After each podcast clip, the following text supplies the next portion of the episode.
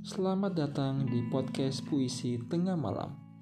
Menceritakan tentang sesuatu yang terjadi dalam seharian dari pagi, bangun pagi, kemudian aktivitas di pekerjaan sampai pada menjelang pulang ke rumah dan sebelum tidur malam. Direkam secara live tanpa skrip spontanitas. Selamat mendengarkan podcast Puisi Tengah Malam.